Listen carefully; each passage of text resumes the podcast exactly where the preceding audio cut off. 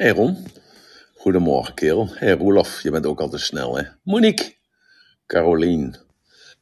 We zijn Annemiek. Goedemorgen. Hey, ik zal make you moderator. Yes, dankjewel. Dan ben, dan ben jij de baas. Nou, nou Dank dat je wel is voor de tip. Van... Dank nog wel voor de tip eh, van gisteravond. Dat ik je eventjes eh, er even bij mocht zetten. Dank je wel. Ja, graag gedaan. Op de donderdag is toch een beetje vaste prik geworden zo, hè? Ja, ik zag dat je het op je, eh, je, je, je roem gezet had, zeg maar, als het ware. Dat Ja. een eer dat je dat erbij gezet had. Nou, Ja, hartstikke leuk. Mooi. zo is het. Hey, Met een, alles kids in Nederland? Ja, zeker, ja. Ja, vanochtend hadden we weer eh, een beetje de rijp op de daken, zag ik. Dus de kou neemt weer lekker wat toe. Oh, lekker, En, heerlijk. ja, dat, dat winterse weertje, dat, oh, ik, vind, ik kan er wel van genieten. Lekker die kou. Ik kan het me voorstellen dat jij ervan gaat. Ja, hey, en bij jou zit- dan daar? Ik zit ben lekker in mijn zwembroek bij het, gezetteld? eh, Ik zit lekker eh, in mijn zwembroek bij het zwembad. En eh, ik heb Emilio vanochtend naar school gebracht. Het was de eerste dag van hem. Dus ik ben Oké. benieuwd als hij zo direct thuis komt. hij, ik heb hem gebracht, hij komt terug met de bus. En morgen wordt hij gehaald met de bus. En wordt hij gebracht met de bus. Dus de Oh, eerste keer dacht ik, ik, ik breng hem maar even weg. Nee, dus ik heb eh, lekker vandaag eh, het een en ander gedaan. Ik moest even een beetje bijkomen. Ik had, eh, vannacht ben ik tot, tot een uur of drie bezig. Vanochtend ben ik om half vijf opgestaan. Dus ik, ja, ik had het behoorlijk eh, druk naar aanleiding van alle media-exposure van gisteravond. En gisteren overdag. Inderdaad, wat Ja. voorbij zien komen. ja, klopt. Ja, ja. Oh, ja dus, goed. Inmiddels ben je een dus in ieder geval, dus de, de- ik moest het een en ander doen. En ik, eh, ja, is natuurlijk met het tijdsverschil. Dus het is, het is zes uur vroeger bij jullie. Dus Ja. dan een andere situatie. Maar dat maakt allemaal niet uit. Hé Roosje, hallo. En Rob, goedemorgen. Ja, dus ik, eh, sorry van gisteren dat ik er gisteren. Het was echt, eh, ja, sorry, dat was heel vervelend. Maar ehm, ja, jij was er geloof ik niet Annemiek bij, Nee, klopt. Roos wel. Ja. Hè? Nou, ik, ik kreeg daarnaast toch nog wel een aantal. eh, ja, ik, ik kreeg toch wel een hele positieve, positieve boodschap van een meneer, van een, eh, van een jonge man. en die, die zei van. eh, hij zegt, als jij voor jezelf koos, hij zegt, dat is voor mij weer een ontzettende grote les geweest. Nou, dat vond ik eigenlijk wel heel mooi, terwijl ik eh, wel, wel 10, 20 keer mijn excuus heb aangeboden erover. Dat ik eruit moest. Hè, want ik had beloofd natuurlijk om er te zijn. Maar ja, hij had het toch wel op een hele positieve manier ingevuld en geherkaderd, zoals we dat zeggen. En, en daarom heb ik vannacht nog even heel snel, eh, dus dat geloven, heb ik eventjes eh, omgezet in eh, wat doet geloven nou eigenlijk met jou. Zo, dus dat. eh, Want ik wat, had hij jou, ehm, wat had hij jou meegegeven of, of teruggegeven dan? Want dat, daar ben ik wel even Nou, heel- ik, ik was er gisteren uitgegaan. Ik zou gisteren dus praten over geloven. Ja. Wat, wat is nou geloven en wat, doet dat, eh, wat, wat is dat nu eigenlijk? En ja, er waren behoorlijk veel mensen in de room die dat eigenlijk wilden weten, hoe ik erover dacht, hoe ik daar tegenaan keek. En toen moest ik hen teleurstellen eigenlijk. Dat ik was iemand tegengekomen, een zakenrelatie hier. En ik moest gewoon met die zakenrelatie, moest ik eh, ja, het een en ander afkaarten op dat moment. Dus ik, ik, kon, de, ik kon de room niet doen. Dus ik, Mhm. ik heb hem wel geopend om, eh, om, om negen uur. En eh toen heb ik gelijk gezegd, ja jongens, ik vind het ontzettend vervelend, maar ik, ik moet eruit. Want ik, eh, ik heb die man net ontmoet, die had ik jaren geleden ontmoet. En ik, daar moet ik gewoon eh, wat mee doen. En eh, dus ontzettend vervelend. En eh, ja, het- ik hoop dat jullie me vergeven. En ik, maar ik moet hiervoor kiezen. En ehm, ja, dus ik vond het heel vervelend. En toen heeft eh, die meneer, of die jonge man, die heeft me een mailtje gestuurd met de boodschap van... ja, ik, ik vond het eigenlijk fantastisch dat je, dat, dat je voor jezelf koos. En dat je dus ja, gewoon de room gecanceld hebt. Dat je na tien minuten al weg was. Hij zei dat eh, was voor mij een hele waardevolle les. Dus eh, ik kies voor mezelf voortaan, zei hij. Nou, dus, ja, Ja. dus dan, dan zie je toch dat het eh, niet uitmaakt wat er gebeurt. Het gaat erom, eh, wat doe je ermee? ja, En dat vond ik ontzettend positief. En, en zodoende kwam ik eigenlijk ook dat ik dat die tekst veranderd heb in, in wat doet geloven nou met jou? Want dat geloven dat schurkt natuurlijk tegen die overtuiging aan. En, of misschien denk je wel dat geloven en overtuiging hetzelfde is, maar het, het gaat erom dat we, eh, daar wil ik vandaag over praten, En die epigenetica. Dus dat is dus eigenlijk eh, dat wij met onze eh, communicatie en ons gedrag onze cellen kunnen sturen. Hè, En ik ben daar vorige week al een keer op ingegaan. Dat ik heb gezegd van. Misschien moet je die drie-eenheid, zoals het in de, onze joods-christelijke opvoeding hè, of onze cultuur ons heeft geleerd, uh, moet je het, het goddelijke, het, het, God meer zien als je hersenen. En uh, ja, er zitten dus, en dat kwam eigenlijk naar aanleiding van de discussie met, uh, met Joyce, kwam, kwam dat inzicht eigenlijk tot mij. Want we hadden een discussie over de ziel en de geest. En um, dus dat, dat ging heel erg fijn en heel goed. En uh, uiteindelijk zijn we gestopt met die discussie. Hebben het gewoon gelaten zoals het was. Maar ik heb daar natuurlijk heel lang over nagedacht. En toen dacht ik in één keer bij mezelf van ja, die drie eenheid waar men het in de kerk altijd over heeft. Waar we toch door beïnvloed zijn. Ook al geloven we niet meer. Hè, we komen toch uit een bepaalde cultuur. En uh, ja, dat is natuurlijk een uh, islamitische cultuur is een andere als een christelijke cultuur. Dus, dus die cultuur waar wij in opgegroeid zijn, wat we meekrijgen. Ja, daar hebben we die drie eenheid, hè, de God, Jezus en de Heilige Geest. Dan uh, de Vader, God, de Vader, de Zoon en de Heilige Geest. Dan, toen dacht ik bij mezelf, ja, maar het zit anders in elkaar. Door die discussie met Joyce. Toen dacht ik bij mezelf, nee, die ziel en die geest, dat zijn gewoon de hersenen. Dus dat is eigenlijk het goddelijke. En het, uh, het Jezus, die staat voor het lichaam. Dus, dus het goddelijke zijn onze hersenen. Hè. Ik, ik heb wel eens vaker gezegd, hè, daarboven zit dan een mannetje. Hè, dus een vrouwtje of een mannetje zit daarboven en die stuurt dan het hele zootje aan. En uh, ja, wat is dat dan? Is dat dan de ziel? Of is dat dan de geest? Is dat dan uh, iets anders? Nee, dat zijn we gewoon zelf. Dat is dus de, dat goddelijke, want we zijn God zelf. Dat klinkt uh, heel veel van je bedshow misschien. Nee, en, ik, ik snap hem inderdaad. Maar wat, je zegt, dat woord aansturen, daar zit het hem volgens mij met name in. Niet zozeer plat die hersenen zelf, als, dat, dat is meer een uitvoerend orgaan, in mijn beleving. Nee, maar... nee, ja, nee juist niet. Nee, dat, okay. dat geeft juist, uh, want daar gaat het nu juist vandaag om. He, dus het, het, het, gaat daarom dat we er in discussie gaan met elkaar. En, uh, of niet, dat je het gewoon aan, aanluistert, aanhoort. Ja.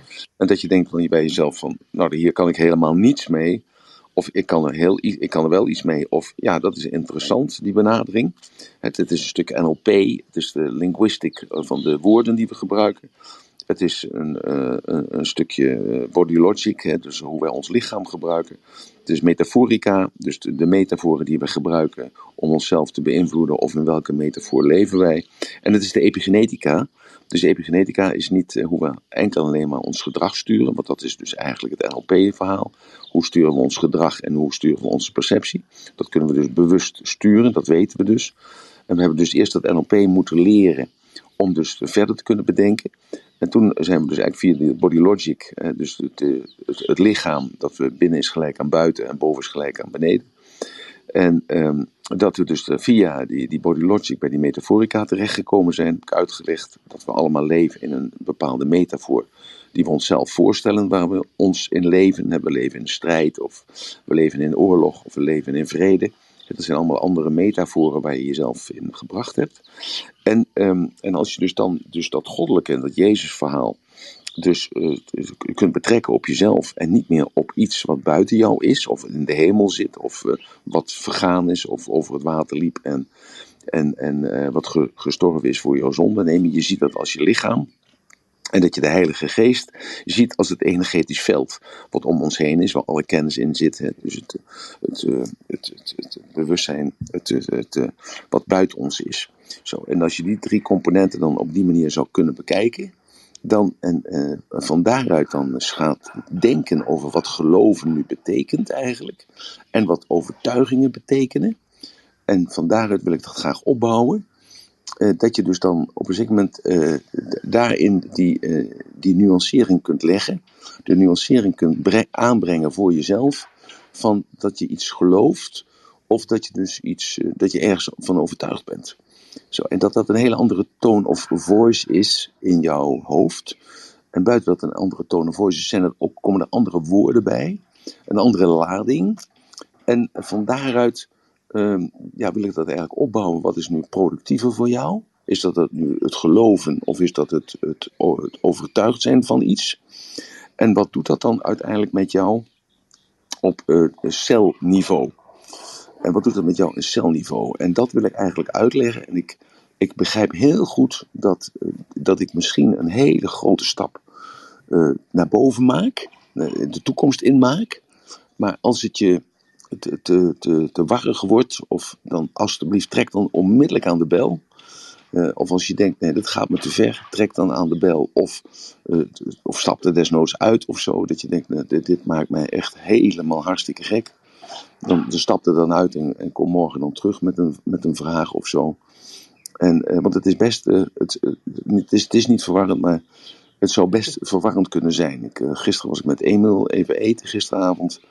En toen hadden we het over dat hij aan mij vroeg van, ja maar papa, als je nou denkt over de dood, stel nou voor dat, dat, dat als je doodgaat, wat, wat is er dan? Ik zeg, nou dat hangt eraf van jij gelooft.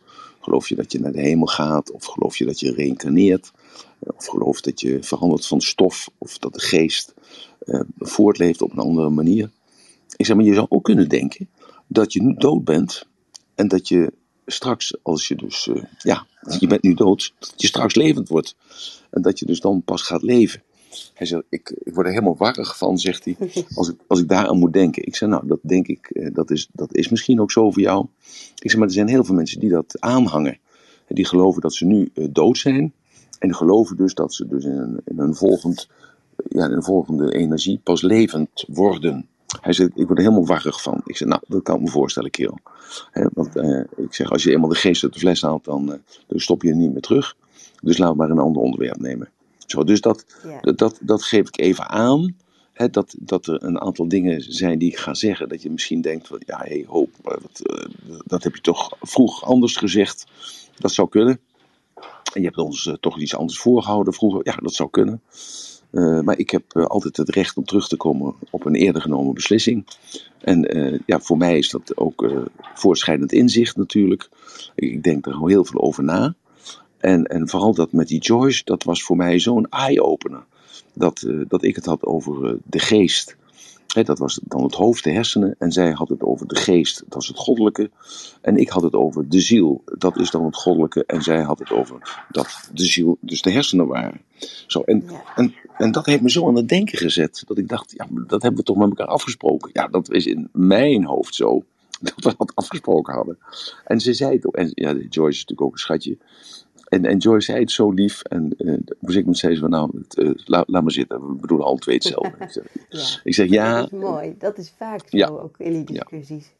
Ja. Dat je hetzelfde bedoelt, maar de andere woorden voor gebruikt. En, ja, wel, maar het gaf mij wel een hele andere kijk op die. Uh, daardoor kreeg ik een hele andere kijk op die drie-eenheid. Dus God de Vader, Jezus de, de Zoon, Jezus de Zoon en de Heilige Geest. En dat gaf mij een, dat inzicht dat ik dacht van, hé, hey, uh, ja, dat, dat moet anders, dat is anders. En, en toen dacht ik van, hé, als ik die Bijbel nou lees, ik lees dat heilige boek, lees ik op die manier. En ik lees dat de engelen mijn cellen zijn. En ik lees dus dat God mijn hersenen zijn. En ik lees gewoon dat de Heilige Geest het energetisch veld is waar ik uit kan tappen. Dan uh, krijg ik in één keer een heel ander beeld.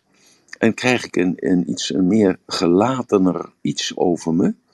Uh, iets berustender. Mm -hmm. uh, dat, ik, dat ik er ben. Dat ik het bereikt heb. Dat ik grip heb op de situatie waar, wie ik zelf ben. Zo, dat, dat, dat, dat is eigenlijk een beetje wat er gebeurde met mij. hey Joyce, je bent er. Uh, ja, dat, het is jouw schuld, Joyce. ja, ik ben gewoon flabbergasted. Ik ja, vind het ja, geweldig. Ja, en ik, wil niet al, ik wil die eer helemaal niet op mij nemen. De eer is aan God, echt waar. Ja, ja, Zo goed, werkt dat, Gods geest namelijk. Ja, exact. Geweldig. Nou ja, dat, is, ja, zo is het. Dus ik, uh, overigens, kreeg net een appje van Wim Hof. Uh, ja, mijn zoon die wil graag met Wim Hof een keer die, uh, die, dat ijsbad sensatie doen. Dus Wim zegt, kom maar. Goed, ja, de, dat is het. Ik hou me de kop er even bij. Dus Joyce, dankjewel wij, voor de... Ja. Zullen we even de room gewoon lekker gaan opzetten? Ja. Dan kun jij daarna je verhaal doen. En Joyce, fijn dat je naar boven bent gekomen. Want ik denk dat jij ook hele mooie aanvulling en wellicht ook ja, dingen kunt delen in het verhaal van Emiel. Dus ja, hartelijk welkom. Leuk dat je er weer bent. En dat geldt natuurlijk ook voor iedereen in de room vanochtend. Goedemorgen allemaal. En uh, nou ja, Emiel vanuit Thailand en uh, wij denk ik voornamelijk vanuit Nederland weer uh, op deze donderdagochtend. Nou, Emiel, je hebt het al mooi ingeleid en uh, we gaan het vandaag hebben. Wat doet geloven met jou? Natuurlijk een heel bijzonder onderwerp. En nou ja, ik denk ook dat het mooi is wat jij aanvult, Emiel. Van joh, luister en neem tot je wat je, wat je kunt horen, hoe je het zo mooi uitlegt ook. En nou ja, mocht er iets zijn wat je wilt vragen of mocht er verwarring optreden, wat dan ook, voel je vrij om naar boven te komen en uh, je vragen te stellen. En natuurlijk mag je ook lekker morgen daarop terugkomen. Nou, zoals jullie weten, de room wordt opgenomen. En uh, bovenaan zie je ook de, de link staan. Dus je kunt ook alle rooms nog lekker terugluisteren. En uh, nou, ga lekker achterover zitten of juist actief. Maar uh, het woord is aan jou, Emiel. Ja, dankjewel. hey, wat heb je toch een prettige stem, Annemieke. Dus echt, uh, komt dat doordat je de koffie drinkt of zo? Wat is dat? Nee, dat He? komt omdat ik de rust heb gevonden in deze drie-eenheid. maar dat is wel het toverwoord, Emiel. Rust. Ja. Die rust. Ja, we, we hebben het, uh, ja. Ja, oké, okay, nou, goed. dank je ja, de, uh, ja, dus eigenlijk door Joyce is dit getrokken, eigenlijk helemaal. En daar ben ik erover na gaan denken en ben ik er helemaal ingedoken eigenlijk. En toen dacht ik bij mezelf, ja, luister, dat het, vind ik zo, vond ik zo frappant eigenlijk. Dus, dus uh, we moeten goed blijven onthouden dat de woorden is dus maar een beperking hè, van, onze, uh, van onze externe communicatie. Want woorden zijn geladen met een, met, vaak met een beeld, maar eigenlijk altijd met een emotie, met een gevoel. Dus als je iets hoort, dan krijg je daar een bepaalde emotie bij of een bepaald gevoel bij. En dan, dan zit je, ga je gelijk in een bepaalde stemming. En vanuit die stemming, ja, dan wordt die perceptie gestuurd. Hè, want we weten nu langzamerhand allemaal wel dat, dat onze perceptie je hebt twee filters. Dat is dus dat gevoel wat je hebt, de emotie, de gemoedstoestand waar je in bent. En ten tweede is dat de overtuiging, dat is datgene wat jij denkt, hoe de wereld uh, eruit ziet. En daardoor filter je dat. Zo, en, en, en zo kwam ik dus eigenlijk een beetje op dat geloven. Ik dacht bij mezelf, ja, is geloven nou hetzelfde als een overtuiging? Daar, daar kwam het eigenlijk vandaan. En toen dacht ik van, is dat nou zo? Ik heb dat eigenlijk altijd wel gezegd. Dus een overtuiging is iets wat jij gelooft, wat je zeker weet. Dat is een overtuiging. En toen dacht ik bij mezelf, ja, maar hoe, hoe komt het nou dat ik, dat, ik, dat ik iets ga geloven? Hoe komt het nou dat ik iets ga geloven? En er zijn verschillende gradaties in. Hè? Dus uh, je, je gelooft ergens in, of je, je denkt ergens over, hè? Of je hebt een bepaalde opinie, of je hebt een overtuiging ergens over. Zo, dus, dus je hebt ook een gradatie daarin. Dus een geloof is een andere gradatie, eh, niet beter of slechter, maar een andere gradatie is dat je ergens eh, bepaald over denkt. Of, of je hebt een bepaalde mening ergens over, dus je hebt een bepaalde opinie ergens over. Of, of je hebt een overtuiging over. Dat zijn gradaties. En toen dacht ik van, ja, hoe kom je nou, hoe kom je nou bij dat geloven terecht? Hoe kom je nou bij dat geloven terecht? Wat is nou het verschil tussen een geloof en een overtuiging? Daar zit, daar zit een klein verschilletje in. En wat is dat dan? Dat, dat geloven, dat, uh, dat, is, uh, dat, dat komt door nadenken. Je denkt ergens over na. En dan ga je dat geloven. Of het is een ingeving. Het, het, komt van buitenaf. Dus door iets wat je ziet of wat je hoort of wat je voelt. In één keer verandert dat geloof. In één keer kun je het geloof krijgen. Dus, dat is dus, dus je bent ermee bezig met je hersenen. Je denkt ergens over na en je, en je gaat geloven dat water nat is. Uh, of je krijgt een, een ingeving dat je in één keer het, het, het, goddelijke ziet. Of dat je in één keer een, een religie aan gaat hangen. Dat dat uh, wordt ingegeven. En een, uh, een overtuiging, dat is eigenlijk een aanname. Een, een, een, overtuiging, daar denk je niet zo vaak over na. Dat is een aanname. En eigenlijk tot in het detail. En, en, dus dat, dat is iets anders. Dus je gaat in iets geloven doordat je erover nagedacht hebt. En, uh, of, of een ander geeft jou bijvoorbeeld het voorbeeld. En daardoor ga je nadenken. Daardoor ga je dat geloven. En uh, daardoor ga je geloven. Of het is een ingeving. Het komt gewoon. Uh, je bent op een bepaalde manier ben je gevoelig. En je ziet iets of je hoort iets. Je ruikt iets. Je proeft iets. Of je, je voelt iets. En dan dan, dan gebeurt dat. Toen dacht ik bij mezelf, dan ga ik nou eens even denken van, wat geloof ik nu eigenlijk over mijn ouders? Zo, dus ik stel mezelf die vraag, wat geloof ik nou over mijn ouders? Nou, mijn ouders waren lief en mijn ouders waren uh, attent en mijn ouders waren, hadden vaak ruzie en mijn ouders hadden een redelijk goede relatie. En toen dacht ik, wat geloof ik nu eigenlijk over de natuur? Dus de natuur, ik geloof in, uh, in de elementen van de natuur en ik geloof in de seizoenen in de natuur. En ik geloof dat de natuur dat een soort, uh, de koolzuur die we uitademen, dat wordt, uh, wordt dat gemaakt tot, uh, tot zuurstof. En, even gauw onderbreken, Emiel. Roos, zou jij je geluid even uit willen zetten? Want we horen allemaal achtergrondgeluiden. Een soort, kopie, een soort kopieermachine. en, nou, dus toen dacht ik, ik heb gewoon een aantal voorbeelden opgeschreven. Dus hoe wat geloof ik over mijn ouders? Wat geloof ik over de natuur? Wat geloof ik over de COVID-19? Wat geloof ik over religie? Wat geloof ik over het verschil of de gelijkenis van man en vrouw?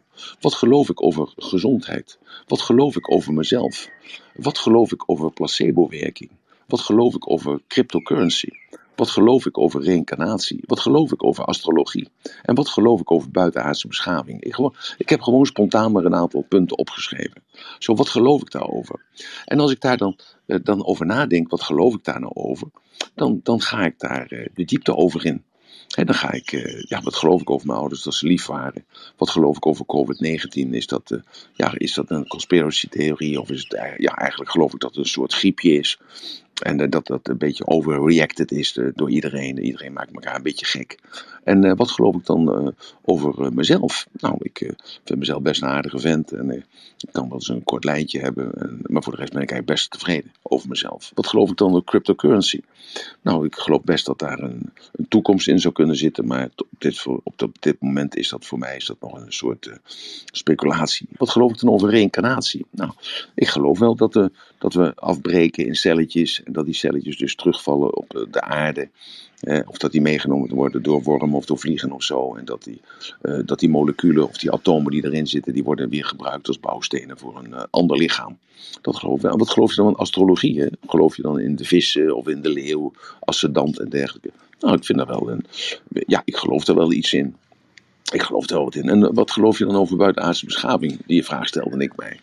Ik zei, nou, ik denk dat ik dat wel kan geloven dat er, uh, dat er andere beschavingen zijn. En dat die beschavingen ons een beetje in de gaten houden, dat we het niet te gek maken. Zo, dus dat, dat was mijn eerste vraag. Dus wat geloof ik daarvan, hè, van die onderwerpen? En toen dacht ik, als ik diezelfde, diezelfde onderwerpen nou neem, en, uh, en ik stel mezelf de vraag, wat is nou mijn overtuiging? Wat is nou mijn overtuiging over mijn ouders? Dus, dan gebeurt er heel iets anders. Er gebeurt iets anders in mij. Dus eerst is het, wat geloof ik nou over mijn ouders? Maar dan, dan richt ik mij, ik focus me veel meer. Ik heb meer een laserfocus als ik zeg, wat is nou mijn overtuiging over mijn ouders? Dan, dan blijf ik eigenlijk maar hangen op één of twee zaken. dat, dat, het, dat het goede ouders waren. En, uh, ja, het waren gewoon goede ouders. Het is een conclusie. Het, het waren goede ouders. Terwijl terwijl ik met dat geloof kon ik er meer, meer mee spelen. Had ik veel meer onderwerpen waar ik hen, wat, ik, wat ik kon geloven. Zo, wat, wat is mijn overtuiging dan over de natuur? Ja, de natuur. Ja, wat geloof ik nou? Wat is nou mijn, mijn vaste overtuiging over de natuur? Ja, de natuur is de natuur. Het is een product van de, van de evolutie. Dat is een, een product eh, van schepping. Dat is een, dat is een, ja, dus dat is een product gewoon. Wat, wat is mijn overtuiging over COVID-19? Ja, heb ik een overtuiging over COVID-19? Nou, eigenlijk niet. Ik heb helemaal geen overtuiging over wat COVID-19 is, want ik heb daar niet het, uh, de verstandelijke vermogens voor. Ik, ik, kan dat niet op uh, moleculair niveau, kan ik dat niet, hè, of op virusachtig niveau kan ik dat niet uitleggen. Dus ik heb daar helemaal geen overtuiging over. Ik, ik, heb er, ik geloof er wel over een aantal dingen, maar op bepaalde overtuigingen heb ik niet. Maar wat is dan mijn, uh, mijn overtuiging over religie? Ja, mijn overtuiging over religie is de, dat als je uh, een religie hebt, dan ben je sterk. als je een religie hebt, dan, dan, dan draagt iets jou, dan, dan, dan ben je beschermd. Dan, uh, ja, dat, ja dat, dat, dat, dat is heel iets anders dan dat ik, dat ik praat over geloven. Geloof je al in een religie? Ja, ik geloof in een religie. Maar dat geeft een heel ander gevoel. En dat, dat probeer ik nu te tonen, eigenlijk ook aan de toon van mijn voice.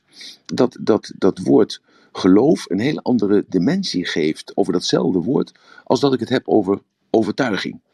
dus welke overtuiging heb ik over religie? Ja, dan, dat, dat dient mij zeker. Dat eh, geloof ik dat mensen die eh, ergens, eh, ergens die religieus zijn, dat die sterker zijn, gezonder zijn en beter met eh, depressies om kunnen gaan. Wat geloof je dan over de gelijkheid van man en vrouw? Nou, ik geloof helemaal niet dat man en vrouw gelijk zijn. Ik geloof juist dat er heel groot verschil is. En dat ze complementair aan elkaar zijn en dat ze elkaar nodig hebben en dat ze elkaar sterker maken. Zo, maar gelijk zijn ze niet. Maar zijn ze dan gelijkwaardig? Nee, gelijkwaardig zijn ze ook niet, want ze hebben verschillende waarden. Een vrouw is op deze wereld uh, op een hele andere functie dan een man op deze wereld gekomen. Wat is dan je overtuiging over gezondheid? Nou, dat je die, mijn overtuiging over gezondheid is iets heel iets anders dan wat geloof ik over gezondheid. Ik mijn overtuiging over gezondheid is dat ik mijn eigen gezondheid kan sturen. Dat ik dat zelf kan bepalen.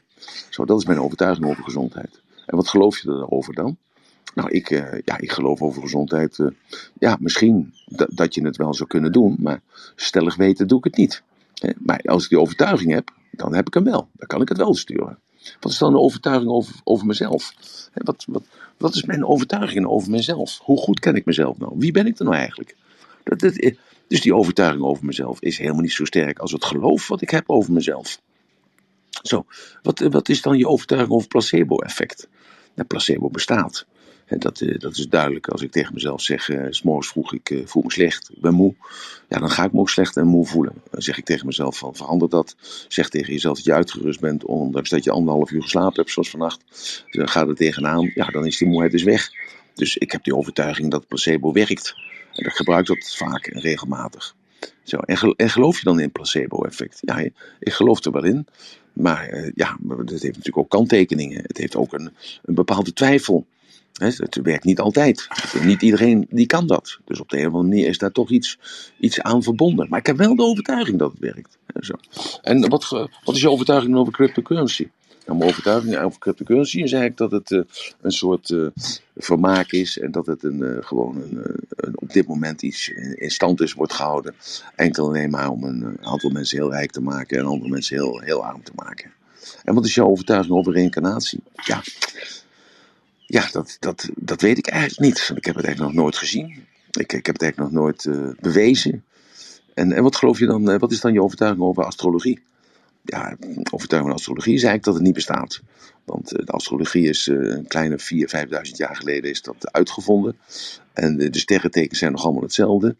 En toen de tijd waren we in een heel andere sterrenstelsel als vandaag de dag. Een heel ander eh, dierenriemteken als vandaag de dag. Dus die astrologie die, eh, die 3000 jaar geleden gold, die geldt zeer zeker niet meer voor, voor vandaag. En wat is dan je overtuiging van buitenlands, buitenaardse beschaving? Nou, dat, dat, uh, ja, ik, ja, ja zo, zo goed is dat ik erin geloof, uh, zo slecht ben ik er eigenlijk in om uh, de overtuiging te hebben dat het bestaat. Want ik heb het nog nooit gezien, ik heb het nog nooit gehoord. Dus ik heb er wel eens wat over gelezen, maar het is eigenlijk niet sterk. Dus, dus wat is nou het verschil tussen geloven en overtuiging? Dan, wat is nou het verschil? En toen kwam ik tot een, tot een opmerkelijk iets. Zo, ik, eh, geloven is weten zonder het te weten. Geloven is weten zonder het te weten. En de overtuiging is dat ik weet dat ik het weet. Dat is de conclusie van het huiswerk dat ik gedaan heb, eigenlijk. Is dat duidelijk? Dus geloven is voor mij weten zonder te weten. Mhm. Ik weet het gewoon. Ik accepteer het gewoon. En die overtuiging is dat ik weet dat ik het weet. En dat ik het niet weet, dan weet ik het niet. Dus dat is een overtuiging. Dus het zijn twee totaal verschillende gradaties. Is dat duidelijk? Voor mij is dat heel duidelijk, uh, Emiel. Want uh, dat is ook wat, wat ik terugvind in. in uh... ik wilde dit, het is zo grappig, want ik wilde dit gisteren voor je sturen. En toen heb ik het niet gedaan. En vanmorgen had ik plotseling iets van: ik moet even in de room komen. En toen had je het erover. Ja, echt. Heel grappig. Nou. nou. maar geloof is dus inderdaad uh, iets de zekerheid der dingen. Snap je? De zekerheid die je hebt zonder dat je het gezien hebt. Je gelooft in God, maar je zal hem niet nooit zien. Ja.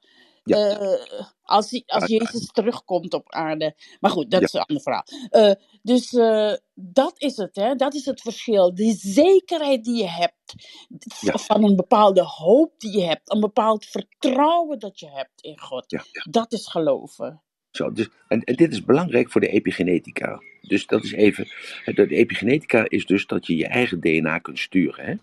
Dus dat je, dat, je, dat je in kunt breken in de keten van oorzaak en gevolg uh, op erfzondeniveau. Want uh, we weten allemaal dat er hele generaties opgegroeid zijn in geweld, in geweldspiralen. En dan toch op een zeker moment dat er één persoon is die dan in die, uh, in, in die erfzonde zit, dat die eruit komt omdat hij of zij een andere beslissing neemt. En waarom kan die ander een andere beslissing nemen?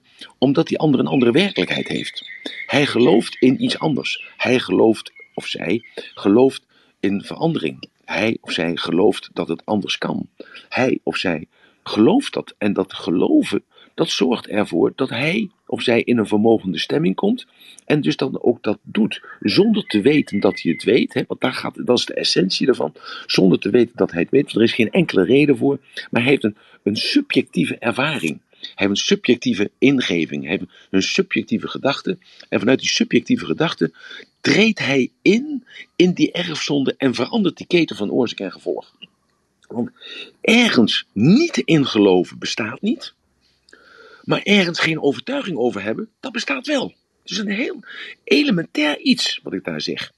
Dus schrijf het anders maar op. Ergens niet in geloven bestaat niet. Dus ergens niet in geloven bestaat niet. Maar ergens geen overtuiging over hebben, dat bestaat wel. En als je die pakt, hè, dus dat verschil ergens niet in geloven bestaat niet, maar ergens geen overtuiging over hebben, dat bestaat wel. Als je die pakt, dan pak je dus in één keer de quintessens van het hele verhaal van epigenetica. Dat je jezelf kunt sturen of dat je jezelf niet kunt sturen. Dat je jezelf kunt veranderen op celniveau of dat je blijft hangen op die celniveau. En dat je jezelf niet, niet in die, daar, daar niet geen kracht toe kan vinden om die cellen die je dus allemaal uh, volgens mij en volgens de wetenschap langzamerhand ook, dat elke cel, en je hebt er 80 biljoen, dat het allemaal onafhankelijk denkende wezentjes zijn. En wat ik je nu vertel is, is dus iets waar je misschien heel veel moeite mee hebt. Maar al die cellen, dat zijn onafhankelijk denkende wezentjes. Je moet je voorstellen, die 80 biljoen, dat is zo gigaveel, dat zijn eigenlijk allemaal dezelfde kleine mensjes. Dat zijn allemaal kleine roosjes, of er zijn andere kleine Ivanaatjes, of andere, andere 80 biljoen kleine Annemietjes, of 80 biljoen Emilietjes daar zo. En die kun jij door middel van jouw gedachten, kun jij die veranderen. En kun jij die dus een andere kant op sturen. En, en zo, nu ga ik even verder met al die onderwerpen die ik net gezegd heb. Hè? Emiel, voordat jij verder gaat, zullen we even vragen. Roos en Iva, uh, Ivana zijn bij ons gekomen, want zij willen vast nog iets toevoegen. Roos, goedemorgen. Ja, goedemorgen. Ik uh, had eigenlijk ooit geleerd, de definitie van geloven is niet zeker weten en ja, Emiel zei het later ook al, diezelfde woorden ze ongeveer, maar ons niet zeker weten. En bij een overtuiging zit voor mij veel meer vastberadenheid. Wat je inderdaad in, je, in je lijf voelt. Zo van ja, overtuiging, dit gaat goed. Dat weet ik zeker. En Want je weet dat je het weet. dus je hebt controle. is niet zeker weten. Ja, en, dat, en dat, dit is eigenlijk een soort tijdsgewricht wat ik nu creëer. Want we hebben het altijd over overtuiging gehad en eigenlijk bijna nooit over geloof gehad. Maar we gaan dus nu naar een andere tijd toe. Hè? Daar hebben we al eens vaker over gehad. Maar omdat we naar die andere tijd moeten gaan, moeten we dus ook die overtuiging los kunnen laten. Want die overtuiging is dus, dat, dat, dat is alleen maar weten. Dat is alleen maar weten. En belemmering. En, en, ja, en dus dat weten is natuurlijk tegelijkertijd onze valkuil. Maar als we kunnen geloven, dan is het weten zonder te weten. Dus dan, dan accepteren we dat het zo is. En dan wordt het dus geloven. Dus dan is het hoofd en hart eh, bij elkaar. En als het de overtuiging is, is het enkel alleen maar het hoofd. Begrijpt iedereen dat? Ja, die is heel mooi voor mij. Ja? zo duidelijk. Ja? ja, hoofd en hart is geloven. En bij overtuiging alleen het hoofd. Ja, ja dus, dus dat is mannelijk, hè? Dus, dat is man, mannelijk uh, mannelijk, hè? Dus die overtuiging is mannelijk en dat geloven, dat is meer, meer vrouwelijk. En we gaan dus naar dat vrouwelijke tijdperk toe. Dat is natuurlijk een hele duidelijke, duidelijke zaak. Dat, dat, zo. En, en nou wil ik jullie vragen om te luisteren, hè? Eventjes gauw naar Ivana. Ja. Ja, Ivana, ja? Ja, sorry. Ja, sorry, sorry, sorry. Ja, goedemorgen allemaal. Uh, bedankt dat ik uh, toegang krijg om even het woord te nemen. Ik uh, wil graag even inhaken op uh, wat in het begin uh, gezegd werd over geloven en de overtuiging. Het ja. ligt inderdaad ontzettend veel bij elkaar. Als ik vanuit mijn eigen ervaring spreek, dan is mijn overtuiging dat geloven verandert in overtuiging op het moment dat het zich manifesteert in de werkelijkheid. Dus vanuit je gevoel en ik ben een gevoelsmens. Ik luister vaak naar mijn hart. Als ik ergens beslissingen over moet nemen, krijg je als het ware een soort signaal tot je van voelt het goed of niet. Dan heb je nog twijfel en dan heb je de keuze: ga ik uh, vanuit mijn verstand redeneren, vanuit het ego, of mhm. ga ik redeneren vanuit het gevoel, wat eigenlijk niet tastbaar is. En op het moment dat ik kies voor dat laatste, dan blijkt in de praktijk dat ik een goede keuze heb gemaakt en dan wordt het voor mij ook een overtuiging. Juist, maar dat, klopt ook. Ik, denk ook dat het klopt wat jij zegt. Hè, omdat je dus, je gelooft het eerste, geloof doet hopen. Een hoop de, dus uiteindelijk die hoop die zorgt voor de materialisatie of de manifestatie. En dus op het moment supreme dat je het ziet, dat je het vast kan pakken, dat het realiteit geworden is. Dat het een, van de subjectieve werkelijkheid een objectieve werkelijkheid is geworden. Dan wordt het een overtuiging. Klopt. Zo, dus dat, zo, en, en dat is eigenlijk een beetje dus wat er gebeurt in je hoofd, hè, interne representatie dus. Dat is het eerst het geloven, dat is dus gewoon het, eh, het weten zonder te weten. En daarna wordt het uh, tastbaar, de manifestatie. En dan, is het, uh, dan weet je dat je het weet, want je hebt het waargenomen. Dus van subjectief is het naar objectief toegegaan. Ja, Zo, en, ja, oké. Okay. En da, dank je wel voor deze toevoeging. Trouwens, een hele leuke foto heb je. En wat staat er onder die titel? Want ik kan het niet lezen. Wat staat er onder? Um, a winner can take it all. The good, the bad and the ugly. Oké, oké. Mooi, mooi, mooi. ja. ja. dat is dan weer uh, een stukje hè, wat je meeneemt vanuit je eigen uh, levenservaring. Ja. En dat je dan op zo'n moment uh, zo'n ingeving krijgt om dan ja. even zo'n boodschap de wereld in te slingeren. Dat ja, het leven gaat nou eenmaal over, nou, het is geen, niet altijd roze geur en maneschijn, maar je komt er wel altijd sterker uit. Nou ja, het is altijd de, de grootste vloek is de, altijd de oorzaak van de grootste zegen. Ja, en eh, als, je dat, als je dat vast kan houden, dan, uh, dan maakt het niet zoveel uit als er dus dan weer een vloek uh, gebeurt. Ja. Of dat het weer tegen zit, want dan weet je dat dat weer het zaadje is voor, dat, voor die ja. fantastische overwinning die eraan komt. Leuk Zo, dus, onderwerpen ook. ja, maar als je daar een keer een, een, een, roem over wil houden met mij samen, dan ben je van harte welkom. Hè? Dus dan is dat logisch, dan, dan mag okay. je komen. Oké, okay, hartelijk dank. Ik zal dat zeker in mijn achterhoofd houden. Oké, okay, goed.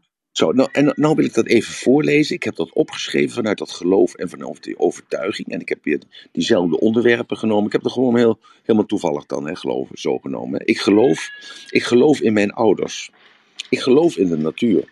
Ik geloof in COVID-19. Ik geloof in religie. Ik geloof in het verschil tussen man en vrouw. Ik geloof in gelijke seksen. Ik geloof in mezelf. Ik geloof in het milieu. Ik geloof in reïncarnatie. Ik geloof in astrologie. Ik geloof in buitenaardse beschaving. Ik geloof in placebo. Zo, dus dat, dat is gecombineerd met het woord geloven. Hè? Geloven. Zo. En nu heb ik, ik ben overtuigd. Hè? En dan dus horen dus de, de andere tone of voice. De, en wat voor inhoud het is. En wat voor invulling je er dan op dat moment gaan gaat geven. Dus aan de, dezelfde woorden. Ik ben overtuigd van mijn ouders. Ik ben overtuigd van de natuur. Ik ben overtuigd van COVID-19. Ik ben overtuigd van religies.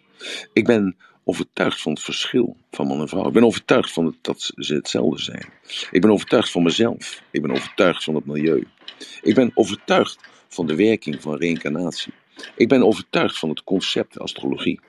Ik ben overtuigd dat er buitenaardse beschavingen zijn. Zo. Hoor, hoor je dat verschil? Hoor je dat, hoor je dat verschil? Dat, ja. dat, dat eigenlijk, hè, dat er dat er dus de, dus de, de. Ik geloof in mijn ouders, ik geloof in de natuur, ik geloof. Dat is eigenlijk onvoorwaardelijk. En doordat ik onvoorwaardelijk daarin ben, hè, dus als je het hoort en je ziet dat en je, en je beleeft dat zo, dan is dat onvoorwaardelijk. Dan krijg ik een andere fysieke reactie. Als dat ik zeg, ik ben overtuigd. Ik ben overtuigd van de natuur. Ik ben overtuigd van de religie. Ik ben overtuigd. Dan krijg ik een soort iets dwangmatigs eigenlijk. Dus, dus ik krijg iets dwangmatigs. Dus een, een bepaalde uh, consequentie komt voort uit die overtuiging. Het is positief of negatief.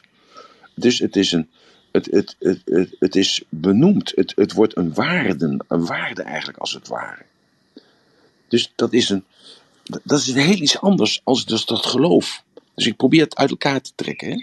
Ja. Dus met andere woorden, die, die subjectieve ervaring, dus dat geloven, dat bezit veel meer kracht dan de objectieve ervaring. Dat is, dat is wat ik zeg. Dat is de conclusie uiteindelijk van, van het hele verhaal.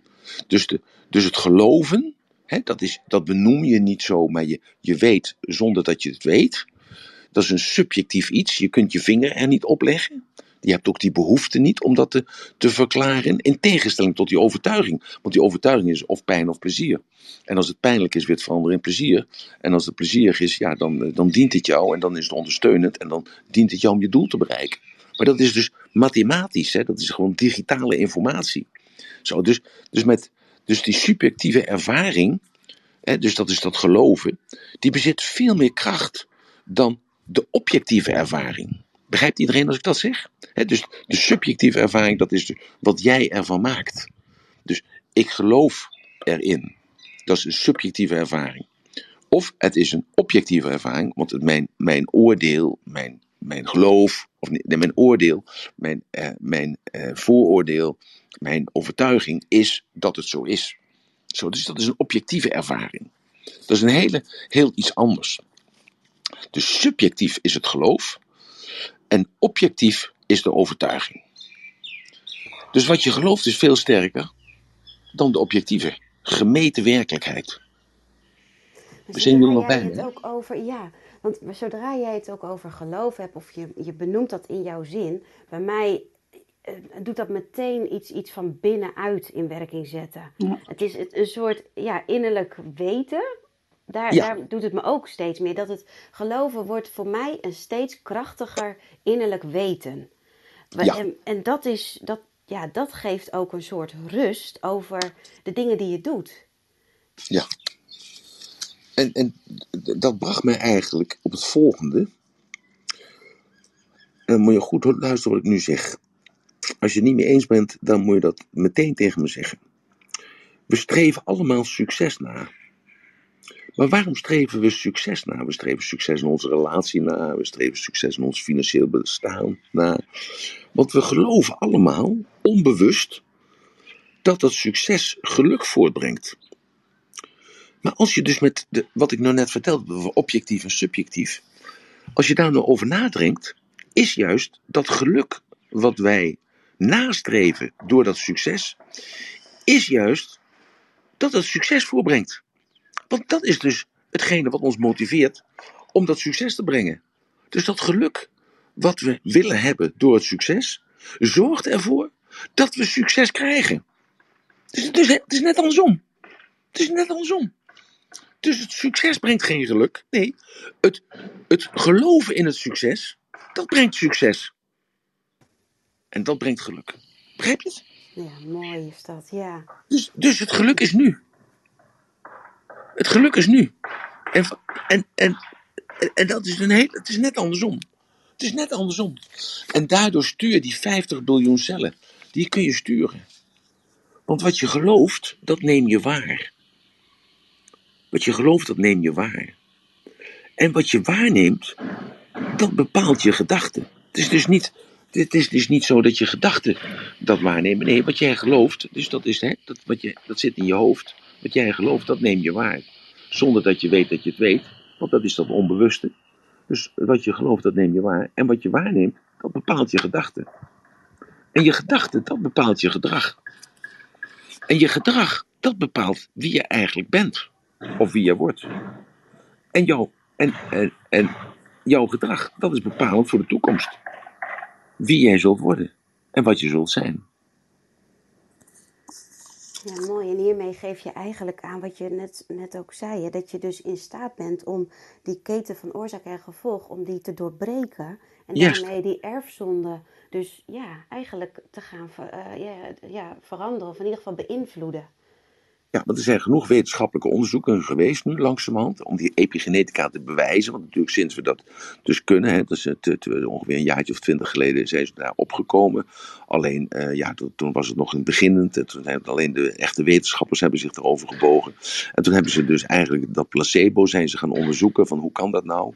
Het dus de kracht van de geest, uh, die maakt je gezond. Het is dus niet het, uh, het koude maar het is het idee wat je erachter hebt. En zo zijn er dus in de jaren zeventig zijn er al proeven genomen, alleen met een hele andere intentie. En die intentie was gewoon om te kijken of dat nu werkt, maar niet met het in het hoofd van de epigenetica. Nee, ze hebben mensen in de jaren 70, 80, hebben ze naar een omgeving gebracht die 20 jaar jonger was als dat zij waren. En ze hebben, die mensen hebben ze dus gemeten, naar, de mannen en vrouwen gemeten naar, eh, naar, naar daadkracht en naar houding en naar uh, gemoedstoestand en allerlei andere indicatoren die ze dus uh, uiterlijk kunnen meten, maar ook in het bloed. En hebben gezien dat er mensen die dus teruggebracht worden in de tijd, want daar komt het dan eigenlijk op neer, een soort tijdmachine, die werden een week opgesloten in een, in een situatie waar uh, planten stonden van vroeger, waar platen gedraaid werden van vroeger, waar een oud televisietoestel stond, zwart-wit van vroeger, en daar werden Tappere Dodo werd daar gespeeld. Er werden records gespeeld van, Bill Haley en weet ik veel wat, allemaal sterren uit de jaren 50. Zo, en, en er werd gesproken over vroeger. En er werden sporten werden gedaan. Tennis werd er gedaan met een oude racket. En er werd, er werd gevoetbald met, niet met een echte leren knikker. Maar gewoon met een soort bal uit die jaren. Want dat geld was er niet. Er werd gegeten uit die jaren. En wat bleek? Dat al die oude mensen. Die dus teruggebracht werden in de tijd. Letterlijk teruggebracht werden in de tijd. Niet alleen de onderwerpen waar ze het over hadden. Maar ook de gebeurtenissen om hen heen bleek dus dat die mensen dus een meer grip kregen op hun leven. Dat ze rechterop gingen lopen, dat ze positiever werden, eh, dat ze, ja, dat ze zich meer vermanden en dat ze jonger werden in hun doen en laten. Enkel en alleen maar omdat ze teruggewacht werden in de tijd. En ze associeerden dus die tijd met uh, ja, jeugd, vitaliteit, energie, daadkracht en werden dus ook zo. Terwijl dus een, een andere groep die daar ook was, die werd dus uh, benadrukt dat als je oud bent, 70 jaar, dan is het eind van je leven. Dan moet je dan denken aan je pensioen. Je hoeft niet meer te werken, je hoeft niet meer te presteren. En je moet je uh, verheugen in de, dat je kleinkinderen komen. En uh, je mag je verheugen als je kinderen een keer komen. Om een keer naar je, dat gezeur van jou te luisteren. En uh, ja, en probeer je gewoon de dag door te komen. Je hebt geen doelen meer, je hebt geen dromen meer, want je weet, je bent aan het aftellen. En die mensen die verslapten helemaal. En die mensen die hadden eigenlijk helemaal geen energie meer. Die werden steeds moeier. Nou, dus uh, dat is het verhaal eigenlijk. Ik las dat onlangs, dat, dat wetenschappelijk onderzoek. Ik dacht bij mezelf, ja, ik roep mezelf elke tot de orde. Je hoort mij zo vaak zeggen van, ja, ik, ik breng mezelf onder lijn. Ja, de beuk erin, doorgaan met die banaan. Zo. Dus, dus dat is het verschil. Dus die gedachte, dus in dat epigenetische laadje, die zorgt ervoor dat je juist die vitaliteit terugkrijgt. Of dat je die vitaliteit hebt en behoudt. Enkel alleen door die gedachte. Dus wetenschappelijk bewezen. Helemaal. Dus nu is het de kwestie van dat jij zelf dus de actie neemt en gaat geloven van oké, dus ik kan, eh, ik kan dat dus doen. Ik kan dus invloed uitoefenen op mijn celniveau. Want op dat celniveau, daar zijn er dus 50 biljoen kleine mensjes. Hè? Dat zijn jouw die hebben jouw naam allemaal.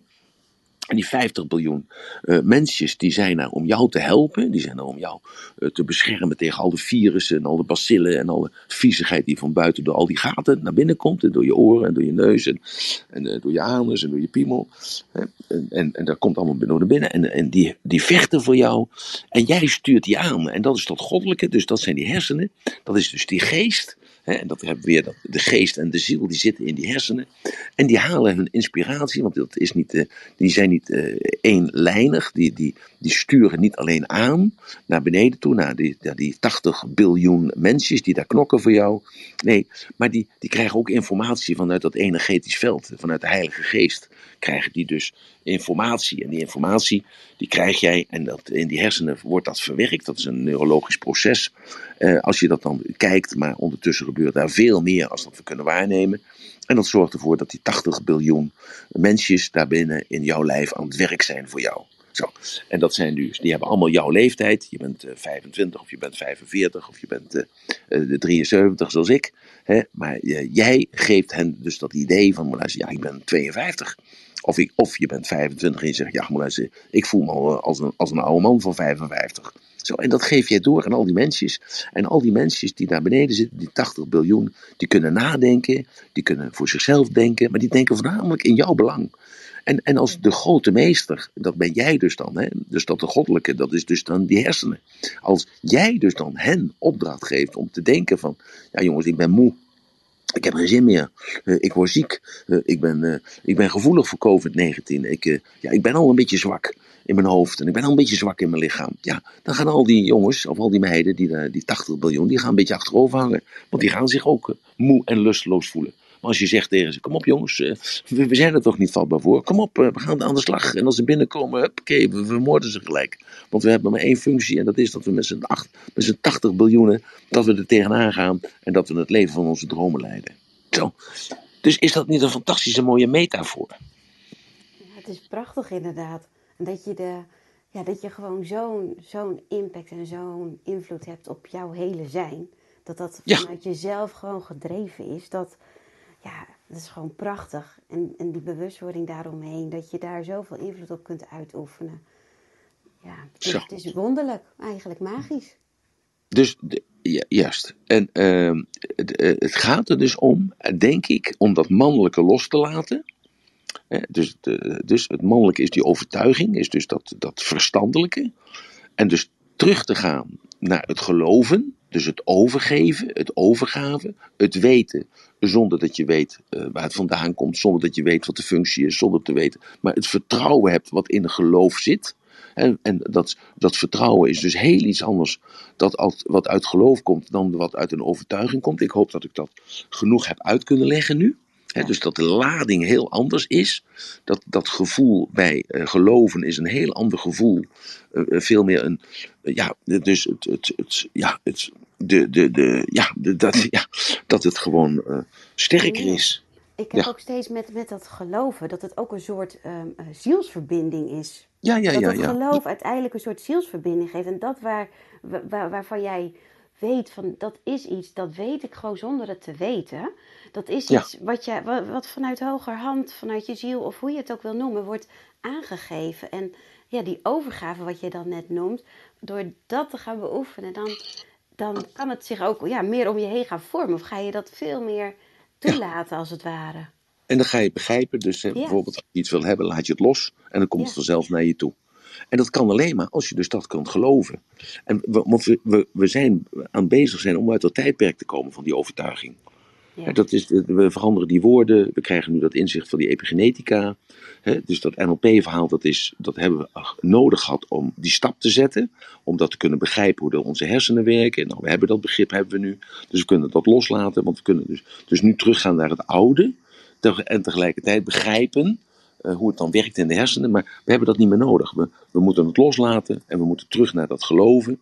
En tegelijkertijd begrijpen we ook dat die overtuiging dat dat werkt voor ons op bepaalde zaken. Want we moeten af en toe moeten we ons uh, tot de orde roepen. Nou, dan gebruiken we de techniek. En tegelijkertijd weten we dus dat we daardoor ja, vorm krijgen, controle krijgen. Controle is eigenlijk altijd vanuit angst. Maar dit is niet vanuit angst, dit is vanuit overgave, vanuit vertrouwen. En dat is een heel andere intentie. En die intentie die, uh, die, die, die manifesteert zich in de vlees.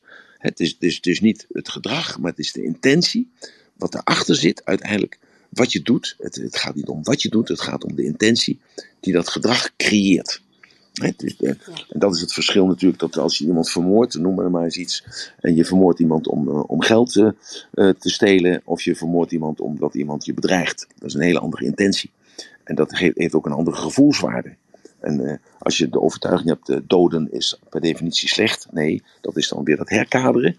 He, dus een ander, her, een ander kader eromheen zetten. Nee, het is het, geloof. Dus, en als je dat geloof hebt, je weet het, zonder dat je weet dat je het weet. dus, en dat is heel iets anders overtuiging. Ik weet dat ik het weet. Zo, dus dat de objectieve en de subjectieve werkelijkheid. En de, de subjectieve werkelijkheid laat dus zien dat die sterker is in het maken van een beter, eh, dat is misschien het foute woord, maar ik heb even op dit moment een, een beter leven dan dat je op dit moment leidt. En ook, ook in, de, in de keten van oorzaak en gevolg, dus de karma, dat je die karma met die positieve intentie, dat je dat gelooft, zonder dat je weet waar dat vandaan komt, maar je gelooft dat, je hebt die overgave daarin. En dan, dan neem je dat aan vanuit die overgave en dan gaat het vanzelf. Dan heeft er geen kracht meer nodig. En dat is dat vrouwelijke, wat dus dan de overhand krijgt in het, over het mannelijke en ook in het mannelijke. Ja, mooi hoor. En ik denk misschien, uh, ja, we zijn op het podium nog met Joyce, Roos en Ivana. Jullie horen, hè, horen dit ook aan. Willen jullie misschien nog reageren? Of zijn er dingen die jullie op zijn gevallen wat je nog bespreekbaar wil maken? Misschien even ruimte voor. Nou, ik, uh, ja, ik, uh, ik ben het uh, in grote lijnen eens met, met Emiel. Maar het is, geloof is inderdaad ook een ervaren. Hè? Dus in die zin is het ook persoonlijk voor een ieder. Hè? Dus in die zin kan ik niet zeggen van ik geloof zoals Emiel gelooft. Weet je, het is ook ik heb ook mijn persoonlijke ervaring. En mijn ervaring is, op, is, is erop gebaseerd over, uh, ja, ik heb het licht gezien. Hè? Dus ja, uh, dat is mijn ervaring. Dat is zo groot, weet je, dus dat kan ik ook niet proberen aan iemand uit te leggen. Dat is heel persoonlijk. Dus maar heb ik toch ook gezegd, hè? hm? je gaat iets geloven door na te denken. En dan kom je dus, dus dan kom je tot een bepaald inzicht. Of je hebt een ingeving. Hè? En dat, dat kan ook zijn een aanraking. Hè? Een ingeving is ook een aanraking. Iemand, iemand raakt jou aan. Ja, precies. Ervaren. Ja, en, ervaring. Uh, ja. Kijk, geloof heeft, is daardoor iets sterkers dan overtuiging. Omdat het zo diep in je zit. Kijk maar naar Abraham is eigenlijk het geweldige voorbeeld. Hij, God heeft hem beloofd dat hij een zoon zou krijgen. God heeft hem beloofd dat, hij uit, dat uit hem het hele menselijk geslacht zou ontstaan. Ja. En hij was al bijna honderd en hij had nog steeds geen kind. Weet je, dus ja. Uh, hij is blijven geloven. Totdat zijn vrouw, die al zo uh, al in de negentig was, toch een zoon heeft gekregen. Ja. Sarah. Daar is geloof, ja, Sarah, daar is geloof voor nodig, snap je? Ja, ja, ja. Dat materialiseert eigenlijk de werkelijkheid. En allemaal doordat jij tegen mij zei dat je een andere definitie had van ziel en van de geest dan ik dat had. Dus daar, daar komt dit vandaan. Ja, dus dat jij hebt mij aangeraakt, uh, Joyce, daarin en dat, zit, dat daarboven heeft dat aangezet. Ik denk, ja, nee, dat is een, een doodlopende wegratelband. Dat die overtuiging, dat is een doodlopende. God, dat is een, een, een doodlopende ja, weg. Zo, dus, dat, nou, dus dank, dank, dankzij jou, uh, jo, Joyce, dankjewel. Nou, Ivana dus, uh, wil ook nog even reageren, volgens ja. mij. Ja, klopt inderdaad. dankjewel. Nou, wat, wat gewoon heel mooi om te horen is, zijn uh, hoe je naar geloof en overtuiging kunt kijken vanuit verschillende invalshoeken. Ik denk zelf ook niet dat daar één standaard antwoord op te vinden is van wat is geloof of uh, hoe manifesteert zich dat en waar is het op gebaseerd. Ik denk wel, uh, we gaan inderdaad uh, naar een ander tijdperk. Dus we gaan ons begeven in een ander energieveld. En die energie die zal ervoor zorgen dat we veel meer toegaan naar ons hart in plaats van naar ons hoofd. En ook veel meer de behoefte gaan krijgen om samen dingen te gaan doen. Ja, en maar dat is, ja. op het moment dat je dus eigenlijk, en dat is God voor mij, is uh, thuiskomen. Want in dat proces zit ik en dat is een hele mooie ervaring. Waarin ik steeds dichter bij mezelf kom en ook mijn hart durf vast te pakken. Onbewust maakte ik al keuzes op basis van mijn hart. Maar nu merk ik dat ik aan het loslaten ben.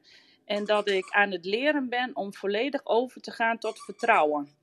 En dat ja. is voor mij ook geloven. Want op het moment dat je zegt ik geloof, dan betekent het niet automatisch dat je dat in de praktijk ook op die manier benadert. Want er zijn altijd nog angsten. Je hoofd zegt toch altijd nog wel iets tegen je, waardoor je genegen bent om daarnaar te luisteren. Dus ik, Jawel. Ik, ja. Dat, dat is ook zo, uh, Ivana. Kijk, ja. alleen uh, we, we, we, gaan naar een andere tijd. We moeten paradigma's loslaten. Ja. Uh, daarom maak ik even dus een ander paradigma over God de Vader, Jezus de Zoon en de Heilige Mhm. Geest. Mhm. En, hè, dus het is heel gevaarlijk wat ik zeg. Uh, maar dat is ook een, een ander paradigma. Ja. En, dat, dat, en, en zoals ik dan zeg, van, dat is de, de, objectieve, de objectieve werkelijkheid, de meetbare werkelijkheid, zoals je dat zelf ook gezegd hebt. Hè? Je Ja. gelooft ergens in en je maakt het dan uh, objectief en dan wordt het een overtuiging. Ja. En ook dat los durven te laten, van dat het niet meer noodzakelijk is om het te materialiseren of te manifesteren. Het, geloof, het gebeurt toch. Dus het is heel gevaarlijk, het is ook risicovol. Hè? Dus om de paradigma's los te laten, die zeker, want die paradigma's geven juist die zekerheid. Mhm. Maar als we die zekerheden vasthouden, ja, dan komen we niet verder. En, Nee, en dat maar is dat is- eigenlijk. Ja, dat Ja. is natuurlijk ook de uitdaging, dat we dat ook Ja. gaan. Dat heeft ook met dat stuk loslaten te maken. En Ja. ik eh, heb zelf de overtuiging dat eh, wij allemaal, eh, nou, reïncarneren op een, onze ziel reïncarneert op een bepaald niveau. De een heeft een wat hoger bewustzijn, de ander heeft een wat lager bewustzijn. En eh, dat is niet erg, dat is het leerproces waar je doorheen gaat. En naarmate je ja, groeit in je bewustzijn, Mhm. ga je, maak je eigenlijk ook los van de materie. En doordat je je losmaakt van de materie, kom je uiteindelijk ook dichter bij je gevoel en bij je hart. En eigenlijk dus ook bij, bij God. Eh, want die huisvest zich in jouw hart. En dat eh, zorgt er ook voor dat je volledig overgaat naar vertrouwen. Dat is een proces wat natuurlijk niet zomaar ontstaat, maar het is wel heel mooi om je daarin te begeven. Ja, maar, eh, jij zegt het weer heel mooi. en dit werkt voor jou. En er zijn mensen mhm. die zijn er nog lang niet aan toe. Nee. En er zijn andere mensen die zijn al veel verder. Uh, in, dat, uh, in, dat, in dat hoofdstuk, zeg maar, als het ware. En dat is ook allemaal goed. Ieder doet het op zijn eigen manier. En dat, dan zie je al gelijk al hoe mooi dat is dat we daarover kunnen praten, dat we dat, dat, je dat, dat we dat mogen delen, hè, dat we daaraan kunnen snuffelen, dat we dat voorzichtig kunnen openen. En dat maakt het juist zo mooi aan deze tijd, die zelfrealisatie, en dat, uh, daar, daar, zitten we in. Hè. En dankzij COVID heeft dat een versnelling gekregen. Dat, ik denk dat dat wel een objectieve waarneming mag zijn als je met mensen praat, hè, hoe bewuster ze zijn met hun eigen gezondheid omgaan, bewuster met denkpatronen ingaan. En ik denk persoonlijk dat die epigenetica de, de sluier uh, uh, afneemt van de, van de ouderdom, de sluier weghaalt uh, over ziektes. En dat we dus onze menselijke geest, hè, dus dat we veel meer daardoor leren te weten en daardoor ook meer open komen te staan, zodat we langzaam maar zeker die oude paradigma's, hè, dat we geloven dat in de geneesmiddelen, of we geloven in de operaties, of we geloven in oorzaak en gevolg, dat we dat los kunnen laten. En, en dat, dat, dat wilde ik eigenlijk graag uh, een beetje uh, duidelijkheid scheppen. Hè, naar aanleiding van, de, van Joyce, die me daardoor getriggerd heeft een dag of vier, vijf geleden of een week geleden. En, en zo zie je dus dat de, de verandering, die komt altijd uit een onverwachte hoek. Hè, Joyce? Ik kan je wel zeggen. en nogmaals, mijn dank daarvoor. Nee, dat, ik wil niet de eer nemen hoor. De eer, alle eer aan God. Echt waar. Ja, oké, goed. Maar, dat, maar mijn hersenen zijn dan op dat moment God. En die hebben dus dan eh, dat opgepakt en die hebben er dus iets anders van gebrouwen als dat, uh, als dat uh, George misschien uh, gedacht heeft of niet gedacht heeft. Want die was zich helemaal niet van bewust dat ik, dat ik daar boven in mijn hoofd God aan het werk gezet heb. En dat mijn lichaam zich daar anders bij voelt. Dus dat is de Jezus en de drie-eenheid. Op die moment dat ik die drie-eenheid toch vasthoud. En dat ik gewoon rustig een kruisje kan ma blijven maken als ik ga eten of als ik s'avonds ga slapen. Ja, mag, mag ik misschien een kleine aanvulling geven? Ja. Dat is ook de analogie hè, tussen geest, ziel en lichaam. Mhm. En God de Vader, God de Zoon en God de Heilige Geest. Hè? Dus dat, die drie-eenheid is die analogie. De, uh, in, in God is dan de, de drie-eenheid, dus dat God uh, verwezenlijk is in, in drie personen. God, Jezus en de Heilige Geest. En in jou zijn dan dus de geest, die is in verbinding met God, de ziel, en het lichaam. Een lichaam is een tempel van God, hè? daar woont God in. Zeg maar. Ik heb altijd het conflict gehad, en jij hebt die, dat licht gebracht. Ik heb namelijk het conflict altijd gehad dat ik dacht bij mezelf: de geest, dat zijn mijn hersenen. En de geest is eigenlijk vlees. En uh, de ziel was dus iets uh, goddelijks. En uh, ja, waar zat die dan? En op het moment dat je uitademt, dan weten we allemaal dat je 7, uh, 7 gram kwijtraakt. Hè? Uh, dus dat was altijd voor mij was dat een beetje dat, de ziel. Dat waren die 7 gram eigenlijk als het ware. En uh, door ons gesprek eigenlijk dacht ik bij mezelf: nee, dat is een conflict in mijn hoofd. Dat, eh, dat is niet goed. Uh, dat maakt mij verward. Ik, ik moet die, die subjectieve werkelijkheid moet voor mij zo blijven dat ik in, die, in die idioterie, voor veel van mensen is dat een idio idioterie kan blijven, waardoor ik mezelf kan blijven sturen en me kan verjongen. En niet alleen fysiek, maar ook mentaal en, en, mijn gezondheid dus op peil kan houden, zodat ik dat goddelijke hè, dus met mijn hersenen kan blijven doen. Zo, en, en, dat was eigenlijk een beetje de trigger die door jou kwam. En, en toen dacht ik van nou, dan moet ik dat dan uh, brengen. Uh, hoe moet ik dat dan duidelijk en toen dacht ik van ja, ik heb het altijd over dat harde, over die overtuiging, dat, eh, dat NLP-gedachte, die overtuiging veranderen, dan verander ik mijn gedrag. En, en dan haal ik ook potentie uit mijn onmetelijke potentieel. En toen dacht ik, nee, we gaan dat andere tijdperk in. Ik moet dat paradigma loslaten. En zo kwam ik bij dat geloven. En zo kwam ik erbij dus om eh, te zeggen dat geloof is dus weten zonder dat je het weet. En dan geef je je over. En als je dat overgeeft, eh, dan heb je dat vertrouwen zonder dat je dat vertrouwen zelf creëert. En, dat was eigenlijk de, mijn, dat heb ik geprobeerd om dat te communiceren vandaag. En dus dat, ja, dat, dat was het eigenlijk. Ja. Volgens Geweldig. mij een hele mooie. Mm -hmm. Ja. Dankjewel, Roos, is het duidelijk? Is, Roos, was het een, een, beetje duidelijk, Roos? Want jij bent toch ook een beetje geweten van mij. Hè? Ik, ik, heb een mooi filmpje van je gekregen, van die placebo's. Ja, voor mij is het uh, inderdaad allemaal duidelijk. Maar ik heb wel zoiets, al die mensen die heel veel dingen geloven en allemaal overtuigingen hebben, dat ik denk, je hoeft ze niet allemaal aan anderen op te dringen. En dan denk ik net zoals met Jehovah wat langs de deur komt, dringt ze geloof op, maar ook nou met de COVID. Mensen die tegen vaccinaties zijn of voor, dringen dat op aan de ander. Nee, maar dat is natuurlijk, die zijn nog op een ander niveau. Want die zijn niet aan die eh, zelfrealisatie bezig. Die, die zijn bezig om andere mensen te veranderen. Terwijl wij natuurlijk al lang weten met NLP en, en met alle technieken die we kennen, weten we natuurlijk al lang dat je de ander niet kunt een, een aanstoot geven. dus een, een, een denkaanstoot. Maar uh, ja, als ze, hebben natuurlijk geluk dat één op de 500 mensen waar ze aankloppen, dat hij in hoge nood zit en dat hij uh, eindelijk iemand hoort waar hij kan uitspreken. En als die persoon dus zijn nood of haar nood uitspreekt, ja, dan op dat moment ziet of, uh, hoort, of voelt die ander zich gehoord. En ziet dus dan ook dat probleem daar, daar, daar buiten zich gemanifesteerd worden. In de gedachten weliswaar, maar ziet dat buiten zich, waardoor hij zich kan objectiveren. Waardoor hij of zij uh, blij en dankbaar is voor die Jehovah-getuige die op dat moment aan de deur geklopt heeft. Dus dat is een, meer een verwarringconcept dan een uh, leerproces. Ja? Dus dat, dat, zit dan zo op NLP-niveau in elkaar. Dus dat, dat is een ander niveau van denken. Maar wij zijn met z'n allen zijn wij, ja, bezig om te gaan. En daarom is dat paradigma zo belangrijk. Dat je de paradigma's van gisteren loslaat en gaat spelen met andere paradigma's.